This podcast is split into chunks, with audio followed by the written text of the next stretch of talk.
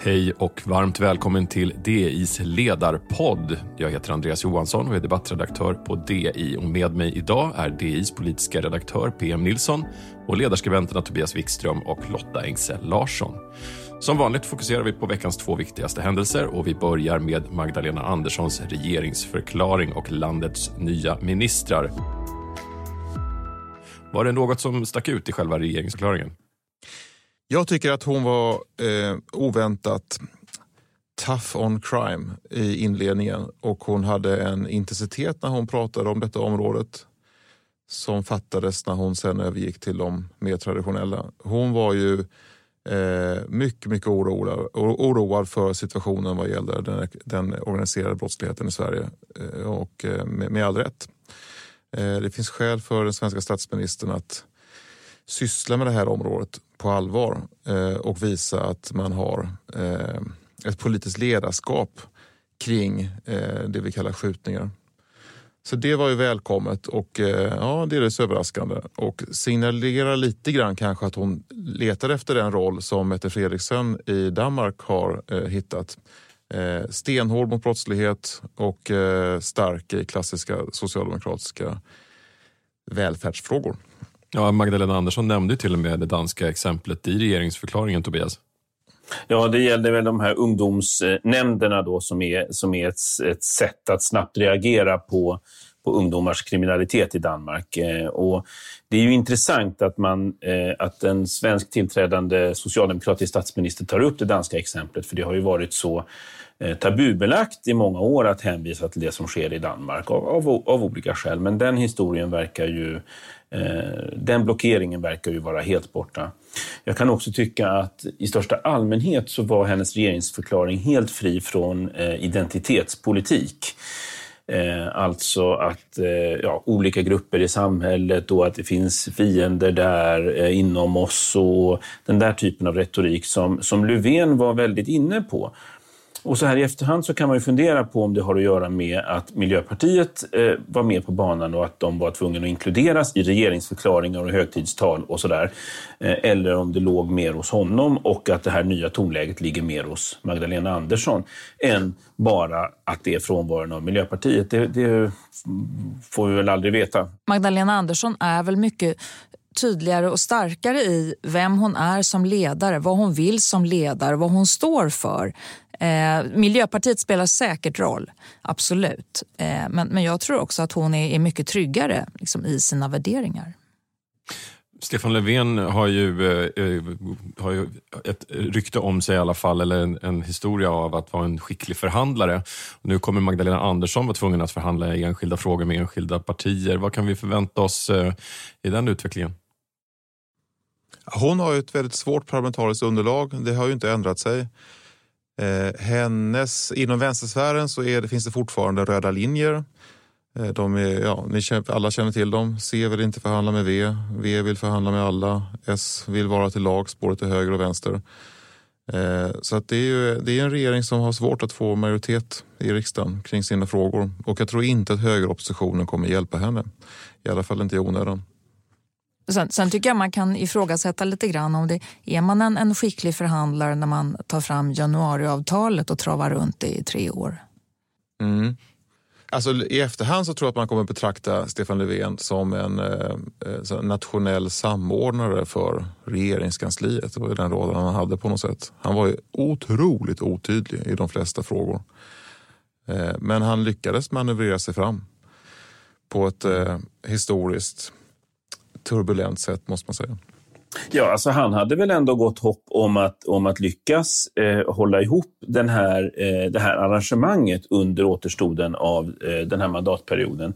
Nu blev det ju inte riktigt så, utan den föll ju efter, efter två och ett halvt år knappt. Ehm, så att eh, det, det, han har ju varit skicklig. Han har ju lyckats sitta kvar vid makten fast han inte har haft majoritet i två mandatperioder får man ju säga. Det kan man inte ta ifrån honom. Nej. Ministrarna då, var det några oväntade nya namn eller förflyttningar? Jag tycker att, eh, jag tycker att det var rätt så lite förflyttningar eh, om man ser det utifrån utgångspunkten att det var sju ministrar som av olika skäl eh, skulle sluta. Eh, och då har han gjort några, förlåt, då har Magdalena Andersson givetvis, då har hon gjort eh, några förflyttningar som liksom blir följdändringar av att Mikael Damberg blir finansminister och så vidare. Och eh, någon lite mer brutal förflyttning ser det ut som till exempel när Matilda Ernkrans eh, lyfts bort från högskolefrågorna och blir biståndsminister. En undanskymd post får man säga. Eh, eller möjligen då att, att eh, Anders Ygeman flyttar från energifrågorna till att bli eh, migrationsansvarig eh, eh, eh, på justitiedepartementet. Men då ska sägas att det är ju ingen, det är ju ingen så att säga, liten fråga utan det är ju ett känsligt område, eh, migration, så att det behöver ju inte vara en flytt nedåt på något sätt. Men det handlade väl om att han hade förlorat förtroendet på den posten, att det inte gick att ha honom som eh, hållande i, i energifrågorna längre? Mm. Mm. Ja, jag tycker hon gjorde en eh, oväntad eh, utnämning och det är, är miljöministern. Annika Strandhäll. Miljö och klimat omnämner statsministern som sitt andra priområde efter Krim. Så det är en jätteviktig fråga för den här regeringen. Eh, och eh, då tar hon ett eh, kort som aldrig har haft att göra med de här frågorna förut. Strandhäll är en slagkraftig allmänpolitiker. Senast var hon ansvarig för S-kvinnorna i riksdagen. Eh, hon är en eh, mycket polariserande person. Hon är en av de mest aggressiva kampanjmakarna i partiet. Hon är st stor på Twitter. Eh, och och det tycker jag var oväntat att man valde henne till en, eh, ett område som eh, i hög grad präglas av olika sakkunskaper snarare än den här eh, rabulistiska politiska stilen som Strandhäll står för. Eh, sen så är hon ju också en, en riskperson och det tycker jag att Magdalena Andersson borde ha sett. De har jobbat ihop länge politiskt. Eh, och Strandhäll har vid olika tillfällen visat att hon eh, lätt går över gränsen. Och de här problemen som uppmärksammats i veckan eh, med räkningar som har gått till Kronofogden, sammanlagt nio stycken, är ett symptom på det. Det tycker jag var oförsiktigt av statsministern att välja henne till den viktiga posten. Vad är det du tänker på historiskt då, om vi tittar bakåt i tiden? Vad är det Annika Strandhäll har gjort? Jag tänker på när hon har gått över gränsen tidigare. Eh, hon har, eh, om man, om man ser på liksom den ställning hon har så hon har, ju, har hon ju varit alldeles för hård i eh, liksom den, den lägre divisionen av politisk kampanj. Hon har varit ledande i drevet mot eh, Ebba Busch och eh, problemen kring husaffären. Och hon har varit, hon har varit skamlös liksom, på ett sätt som eh, SSU kan vara. Men inte ledande ministrar. Eh, de ska hålla sig undan från det där. Eh, så att, så att hon, är, hon är ju hon är en personlighet som, eh, som en kollega borde se kanske inte ska ha den här typen av roller som hon får när hon är miljöminister. Och en reflektion också är ju att det finns ju, ibland så kan man, kan man tycka att det finns en, en dömande granskning av, eh, av eh, ministrar och tillträdande politiker och så. Jag håller inte med om det därför att eh, både väljarna och mediekåren och, och, politiska motståndare är ju oftast beredda att eh, se väldigt eh, klokt och resonabelt på personliga tillkortakommanden. Har du också valt att bli egen? Då är det viktigt att skaffa en bra företagsförsäkring. Hos oss är alla småföretag stora och inga frågor för små. Swedeas företagsförsäkring är anpassad för mindre företag och täcker även sånt som din hemförsäkring inte täcker. Gå in på swedea.se företag och jämför själv. Expressen gör varje vecka podden Politikrummet där vi djupdyker i det senaste och viktigaste inom svensk politik. Med mig, Filippa Rogvall, som programledare tillsammans med mina vassa kollegor. Och det är ju ni som heter Thomas Nordenskjöld, Anette Holmqvist och Viktor Bartkron. Politikrummet kommer med ett nytt avsnitt varje tisdag. Vi hörs.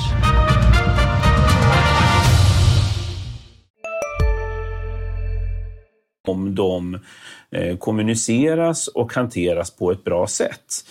Vi har ju ministrar som säger att de har tagit kokain och, och allt möjligt. Det, det, det, blev ingen sak av detta därför att de berättade det själva och det framstår som något mänskligt.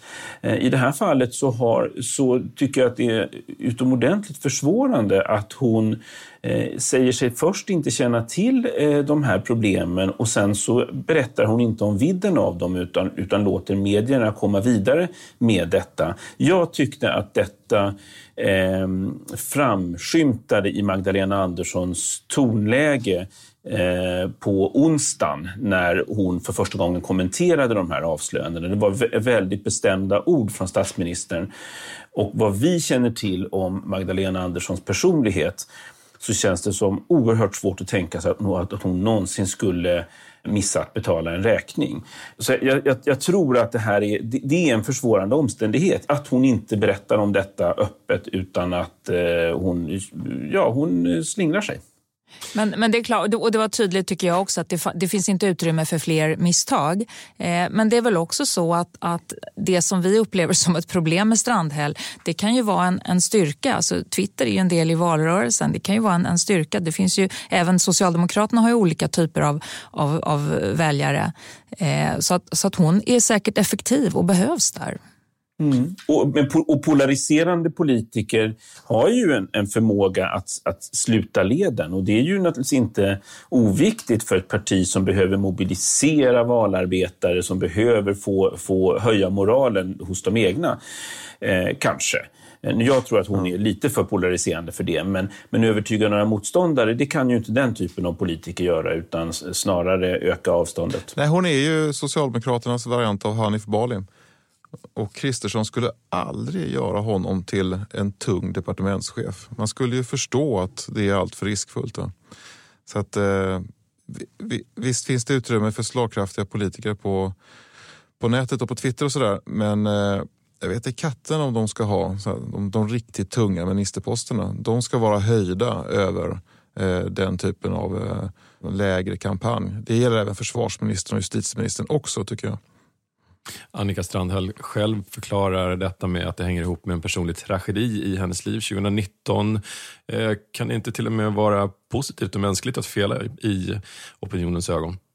Problemen är mycket mer långvariga. Eh, de började 2013 så att det är en person som ser ganska lätt på eh, betalningsmoralen. Tycker jag är uppenbart. Och eh, det finns ju ingen kronofogde någonsin som har godtagit personliga omständigheter som en ursäkt för att inte betala räkningarna. Så det tycker jag eh, faller faktiskt. Vi ska gå vidare i sakfrågorna. Eh, Annika Strandhäll har ju pratat om ärendet med stort Ä i sin nya roll. Vad innebär det och vad händer där? Det är då eh, frågan om eh, slutförvaret av kärnavfall som den tidigare miljöministern Bolund uppenbarligen inte har velat ta i av politiska skäl. Det är ju häpnadsväckande att det får gå till på det viset. Och det visar sig i efterhand att det var helt relevant att rikta ett misstroendevotum mot honom. Det kommer från SD tror jag, men många slöt upp bakom det. Eh, det misstroendevotumet ligger för övrigt kvar ifall man inte löser frågan. Så den, den frågan har man signalerat kommer att vara klar idag eller imorgon eller när som helst det är ju så otroligt tydligt att, att när man är beredd att fatta beslut om det nu, då, då tyder ju allting på att den var helt färdigberedd. Det fanns alltså inga, inga ytterligare dokument som behövs, inga ytterligare formuleringar, utan det är bara, en, eh, det är bara att trycka på knappen för den nya S-regeringen. Att den har legat färdig så länge för beslut. Inget ytterligare finns att säga. Det tycker jag, är, det tycker jag faktiskt är skandalöst. Med, tank, med tanke på vilken betydelse det här har för, för, för framtidsplaneringen för energi, för energiföretagen. Det leder oss ju osökt in på just den här uppdelningen. Jag börjar med dig Tobias, du skrev i veckan om nya näringsministern Karl Petter Thorwaldsson. Eh, vilken roll får han för industrin? Ja, alltså näringsminister är ju en, är ju en besvärlig post därför att eh, det finns inte särskilt mycket lagstiftning eh, i hans portfölj, i en näringsministers portfölj ska jag säga. Utan allt det som är viktigt för industrin, om man tänker efter, ligger ju hos andra ministrar. Skatter ligger hos finansministern, bolagsrätt ligger hos Morgan Johansson, Eh, e-, energi, de viktiga energifrågorna ligger ju hos Annika Strandhäll. Eh, och de övriga energifrågorna ligger hos den nya energiministern. Eh, och vad är då kvar? Jo, då är det några tillståndsfrågor samt de här främjandefrågorna som inte är oviktiga. Det är klart att om Karl Petter Thorwaldsson kan bli den röst han skulle kunna bli för en, en mer offensiv industripolitik så är det ju jättebra. Men han kan inte åstadkomma några underverk på, på sitt eget departement utan då, då handlar det om att han måste också få med sig de relevanta ministrarna i övrigt. Det är viktigt att komma ihåg. Energifrågan då. Det, vi, det snöar i Stockholm där vi spelar in det här idag och det har varit rekordhöga elpriser i både norr och i söder. Det är kallt och eh, hur ser den politiska viljan ut nu när Miljöpartiet har lämnat regeringen? kan vi förvänta oss framåt? Alltså, Socialdemokraterna är ju ett parti som eh, i grund och botten också vill avveckla kärnkraften. Så det är inte säkert att det blir så stor ändring. Jag tycker att den nya energiministern ganska snabbt signalerade att han eh, argumenterar likadant som den gamla Anders Ygeman. Det vill säga, det råder inte någon brist på el utan eh, problemet är att vi smittas av eh, de europeiska höga eh, elpriserna och att det är snarare andra länders fel att det är som det är i Sverige. och Så, där. så att, eh, ja, skeptisk om det blir någon ändring på, på det hela. Vi får också komma ihåg att Magdalena Andersson under sitt stora tal på Socialdemokratiska kongressen Eh, Eh, opåkallat så att säga tog upp att kärnkraft eh, det är olönsamt och det är väl ingen som vill ha eh, högre elpriser. Underförstått att bygger man kärnkraftverk så kommer det att påverka elpriserna uppåt. Och det åstadkom ju applåder på S-kongressen så att eh, det är numera sedan rätt länge ett kärnkraftsmotståndsparti. Avslutningsvis då, Mikael Damberg blir ny finansminister. Hur kommer han att tackla det ämbetet? Ja, han är, det är ju kanske svåraste jobbet av alla att efterträda en finansminister och en extremt stark sådan. Eh, och han har inte alls samma ekonomiska bakgrund som hon så, så han kommer ju expediera det, det som krävs eh, helt enkelt. Därför att det, det, är någonstans... Hon är, ibland säger man ju att finansministern är den som är, är chefen. Nu är hon en tidigare stark finansminister och statsminister så hon kommer nog att eh, ratta det där. Jag tycker också det känns som, eh, när hon, i och med att hon pratar om kärnkraften till exempel, så är det här en ledare som kommer ha väldigt mycket åsikter och prägla sitt parti och regeringsarbetet starkt. Mm. Man, man, kan säga med Damberg, tycker jag, möjligen att vi därmed avbryter en 16 år lång period nästan med eh, mycket starka och självständiga finansministrar. Först Anders Borg och sen eh, Magdalena Andersson. Och omdömet har nog varit att det har varit bra att ha en självständig kraft på den posten i de här kriserna, 08 och nu coronakrisen. Det här liknar ju mer den, den eh, eh konstruktion som Göran Persson hade Eh, att statsministern själv är en stark ekonomisk politiker och sen så har man allmänpolitiker som finansministrar. Först då Bosse Ringholm och sen eh, Per Nuder en kort period Erik Åsbrink. Så att vi får väl se hur det här går. Och vill man se hur det går så följer man naturligtvis Dagens Industris ledarsida och Ledarpodden är tillbaka igen nästa vecka. Tack PM, Tobias och Lotta. Ansvarig utgivare är Peter Fällman. Vi hörs.